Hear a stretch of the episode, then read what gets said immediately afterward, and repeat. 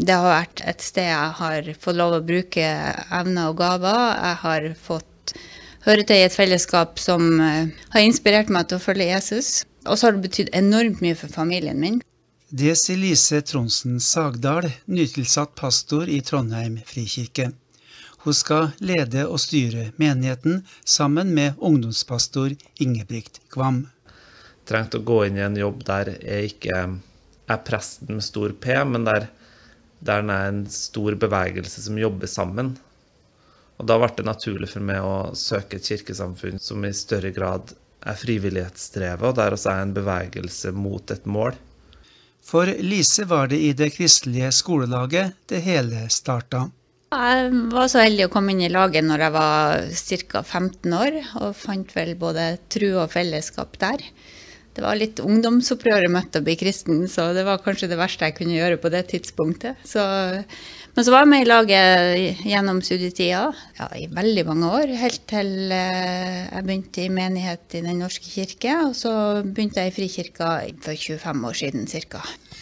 Hva var det som var bakgrunnen for at du valgte Frikirka? Ja, Den er skremmende pragmatisk. Vi fikk et barn med store handikap og kjente at eh, vi måtte høre til i et fellesskap der ikke vi måtte gjøre alle ting. Drive søndagsskole og alt det som vi hadde gjort fram til da.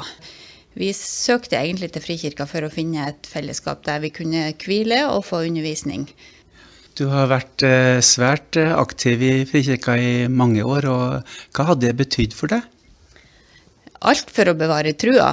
Det har vært eh, et sted jeg har fått lov å bruke evner og gaver. Jeg har fått uh, høre til i et fellesskap som uh, har inspirert meg til å følge Jesus. Og så har det betydd enormt mye for familien min.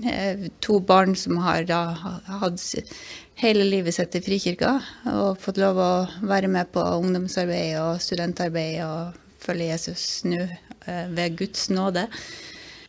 Ungdomspastor Ingebrigt Kvam er utdanna agronom og har begge beina godt planta på jorda. Han er 31 år gammel og singel. Han har sin bakgrunn i bedehusmiljøet i Rennebu, og starta på bibelskole før det endte med teologistudier. Jeg gikk to år på folkehøgskole, og så tenkte jeg at jeg skulle hatt et bibelskoleår. Så tenkte jeg at tar jeg det på MF. Tok årsstudiet med kristendom. Jeg syns det var utrolig spennende. Og så kjente jeg første året et veldig sterkt fellesskap med de andre som studerte teologi. Som gjorde at jeg opplevde at det var en naturlig vei for meg å gå videre. Jeg var jo utdanna agronom òg, så jeg sto jo mellom valget å ta over gård eller å gå videre på teologien. Først tok jeg en bachelor i ungdom, kultur og tro, kristent ungdomsarbeid, og tenkte at det kunne jeg nå uansett ta.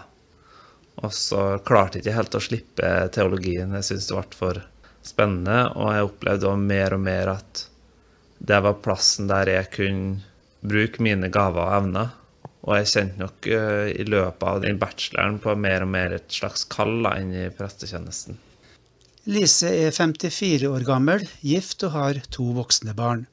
Hun har forska ved NTNU og har en doktorgrad i fysikk og har vært rådgiver i 18 år og har vært i staben til rektor.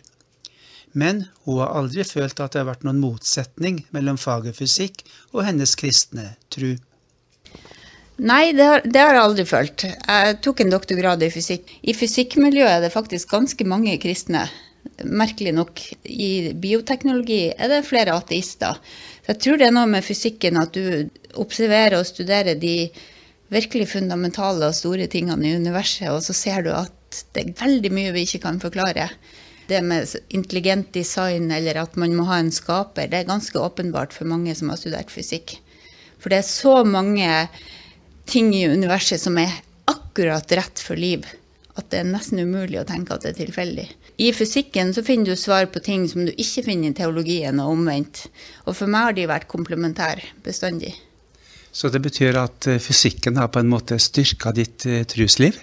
Absolutt. Jo flere spørsmål vi stilte, og jo større og mer komplekst det ble, jo mer åpenbart var det at uh, her er det noen som har tenkt. Og bare det at det går an å beskrive virkeligheten med matematikk, er for meg et gudsbevis.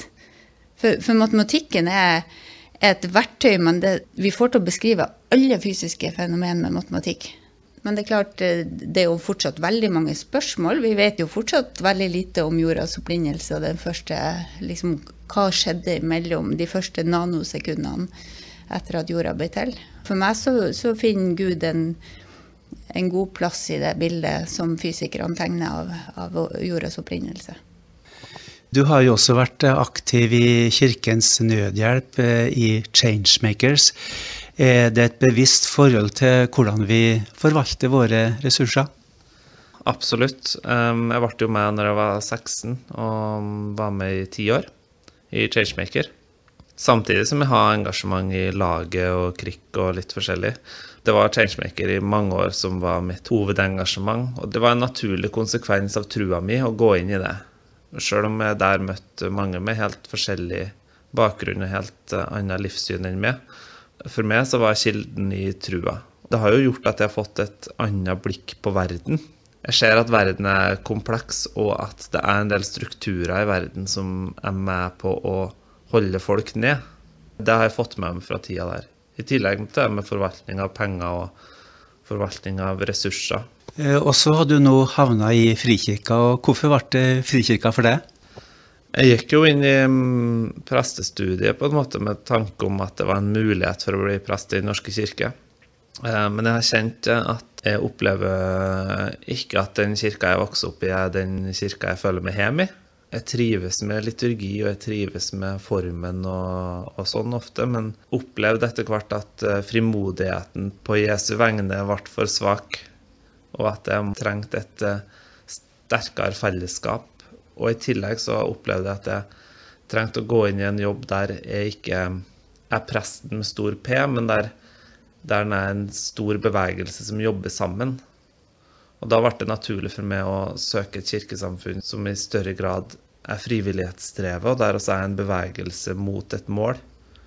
Og et sted der det er mindre teologiske kamper, sånn at en faktisk kan ha fokus på Jesus. da.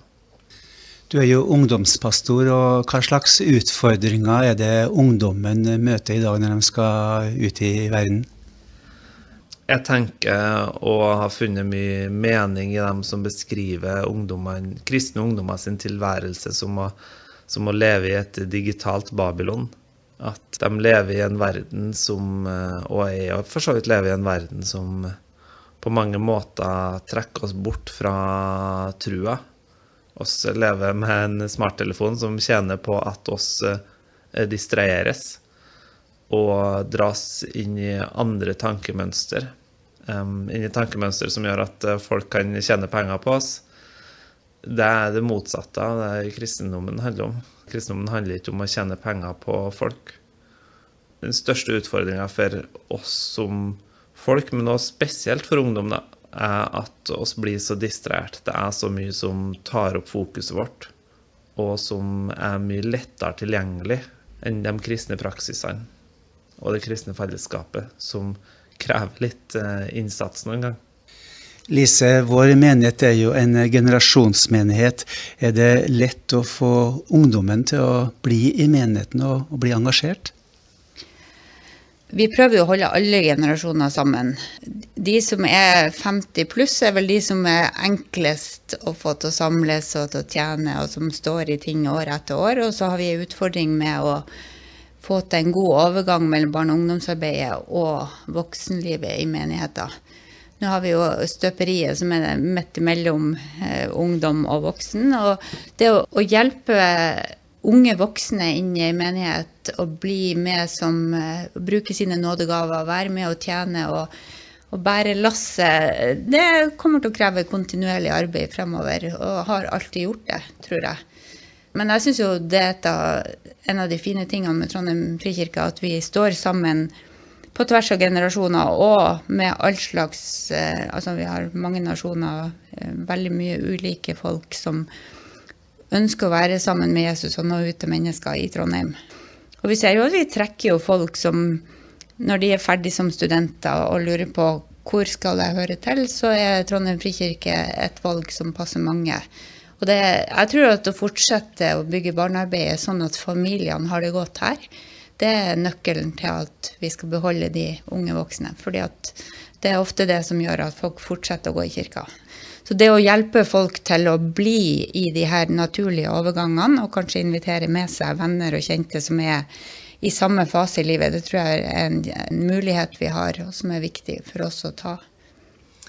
Jeg tror at det kristne fellesskapet er en av få plasser der du nå kan møte mennesker på tvers av kultur, på tvers av alder, på tvers av alle de her skillelinjene som ellers skjer i samfunnet. En ser jo at i samfunnet vårt så dannes det mer og mer grupper av mennesker som tenker likt og er like, og skaper sine ekkokammer det kristne fellesskapet er jo nettopp kalt til at vi skal viske ut den der skillelinjen. Det er jo det mye av Nye testamentet handler om. At her er det ikke jøde eller greker, slave eller fri, mann eller kvinne, men oss er alle sammen ett i Kristus. Og det tenker jeg må være et naturlig utgangspunkt for en menighet. da. Og det håper jeg det kan være for Trondheim frikirke òg. Jeg er jo den i pastorteamet som kommer inn uten teologisk eh, utdanning og uten erfaring fra arbeid i kirka. Men jeg har vært eldste her i menigheten i tre år og kjenner mange av utfordringene. Sånn at når jeg ble utfordra til å gå inn i tjeneste, så var det jo med tanke på at vi kunne fordele de oppgavene som før lå til Helge Standal sin stilling som hovedpastor. Sånn at til sammen skal vi tre løse de pastorale funksjonene. Og da ønsker Ingebrigt å fortsette som eh, ungdomspastor, men han er også forstander. Dvs. Si at han er bindeleddet mellom Trondheim frikirke og de offentlige myndighetene. Så hvis noen vil bli via, så er det Ingebrigt som er mannen til det. Han har også ansvaret for register og den type ting. Når det gjelder det daglige arbeidet, så har vi fordelt det sånn at vi tenker hvordan bruker vi gavene våre best mulig. Og det er klart, Ingebrigt har en helt annen teologisk ballast enn det jeg har. Eh, han har interesse for ungdommer. Jeg er nok den som kanskje kan gå inn og, og, få fremdrift i en del ting som vi må rydde opp i, og systemer og den type ting. Men jeg syns òg det er et utrolig privilegium å få lov å lede og undervise på gudstjenester. Så vi skal gjøre litt av alle ting, men vi har laga oss noen lister med, med fordeling av oppgaver, sånn at det skal være tydelig for alle i menigheten at hvis du trenger å snakke om det, så kan du gå til Ingebrigt. Hvis du trenger det, så går du til Helge eller Lise. Helge skal stort sett eh, undervise og ha ansvar for gudstjenester, så resten er det vi som deler. Og så har vi jo med oss et team med Hans Christian Sugstad Kvåle og Daniel Vedvik, som har sine dedikerte områder. Så min jobb er litt å få disse tingene til å henge sammen, sånn at vi til enhver tid eh, klarer å engasjere frivillige, sørge for at ting fungerer, ha en plan for barne, ungdom, unge voksne, godt voksne og alle de praktiske tingene i tillegg. Det er jo en menighet som drives av frivillige med frivillige, og vårt privilegium er jo at vi er frikjøpt for å kunne prøve å få det her til å fungere. Ja, og dette er en uh, fordeling du er fornøyd med? Ja, det er det. Um, jeg trives godt å jobbe i team, og da å kjenne at også er et team som står sammen og har et pastoralt ansvar sammen med Eldsterådet, er veldig fint. Og det er noe av det som jeg setter pris på med å være her i Frikirka. og at jeg opplever i veldig stor grad å stå sammen med folk i de tingene jeg står i. Og det har jeg opplevd at det har blitt enda sterkere nå når vi står sammen som pastorteam. Nå har vi jo vært igjennom ei spesiell tid, og vi er ennå ikke ute av denne koronapandemien. Hvordan har det influert på menigheten her? På menigheten så førte det jo til en dramatisk endring i hvordan vi kunne møtes. Nå er vi jo tilbake med at vi kan være 200 på gudstjenester, og vi håper jo at det i hvert fall varer. Men det er jo folk som ikke har vært på gudstjeneste, og i den koronatida så har vi jo hatt digitale gudstjenester og samlinger på nett, på Zoom. Ingebrigt har gjort en utrolig flott jobb med å få mest mulig aktivitet på nett og koble menigheter sammen via nett. Det har vært fantastisk å se at det går an. Og jeg tar ingen kreditt for det, for jeg begynte 1.8. Jeg kom inn når vi kunne begynne å åpne. Har det her endra menighet på noen måte? Jeg tror det har endra samfunnet vårt på mange områder. Og det blir spennende å se hvordan det utfordrer oss. Og så tror jeg nok at det kan ha endra enkeltpersoner i menigheten. fordi at det skal ikke så lang tid før du får nye vaner. Og jeg tror nok mange opplever, har opplevd at det var veldig behagelig å sitte søndag morgen og slippe å stresse seg til kirka. Det kan ha skapt noen vaner som kan bli krevende å bryte igjen. Jeg kjente jo veldig på det i vår, en sånn bekymring og tanker mye om dem som um, opplever seg perifer, eller de som ikke har muligheten til å komme på nett, eller de som ikke kjente at det var en naturlig plattform for dem. at Jeg kjente på en bekymring for hva skjer i truslivet deres. Når kirka ikke var tilgjengelig, så var fortsatt Netflix tilgjengelig. Så var fortsatt smarttelefon tilgjengelig, så var alle nettaviser tilgjengelig. Alle de tingene som ikke er noe vond i seg sjøl, men de kan ta opp så mye fokus og tid at oss kan glemme det som er viktig, og glemme vår egen verdi og andres verdi i det. Vi har gode rutiner nå på smittevern og tror at de samlingene vi har er så trygge som de kan bli. Og Så får vi håpe og be om at det her går over. Jeg tror at det enda viktigere enn før å møtes fysisk. For det er veldig mange som sitter hjemme og kjenner på at det her er unormalt, det her er skremmende. Og den frykten for fremtida, jeg tror at svaret ligger hos Jesus. Og når vi kan låne trua hverandre og bli styrka sammen, få lov å være sammen og synge, så tenker jeg da skjer det noe med oss alle. Det er viktig at folk kommer, og det er viktig for de som kommer at de kommer. Og det ønsker vi å snakke om i høst, fellesskapet, hvor viktig det er. Og så har vi respekt for at det er mange som er forkjølt, og de kan ikke komme, så vi prøver å finne måter å koble sånn at uh, det som skjer i kirka i stor grad kan uh, tas opp på video også. Men vi har eksperimentert med det.